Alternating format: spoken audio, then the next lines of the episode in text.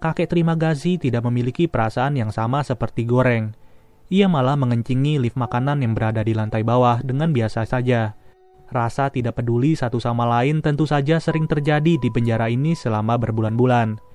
Kakek terima gazi sengaja melakukan hal tersebut karena ia pernah merasakan saat berada di lantai bawah. Hal ini akan menjadi rantai yang tidak akan putus dan berlaku seterusnya.